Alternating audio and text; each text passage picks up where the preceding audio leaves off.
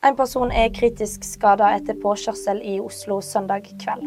Politiet har funnet en forlatt bil, og det pågår nå søk etter en eller flere personer som stakk av fra stedet. Eh, for oss så er det litt uklart hendelsesforløp, men vi kan ikke utelukke at dette er en hendelse som er tilsiktet, altså at det er gjort med vilje. 13 israelere og 39 palestinere skal løslates søndag. Det kommer fram i en uttalelse fra egyptiske myndigheter.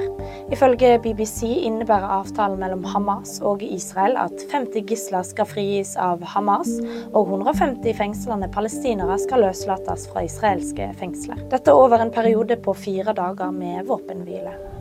Paven har fått eh, lungebetennelse.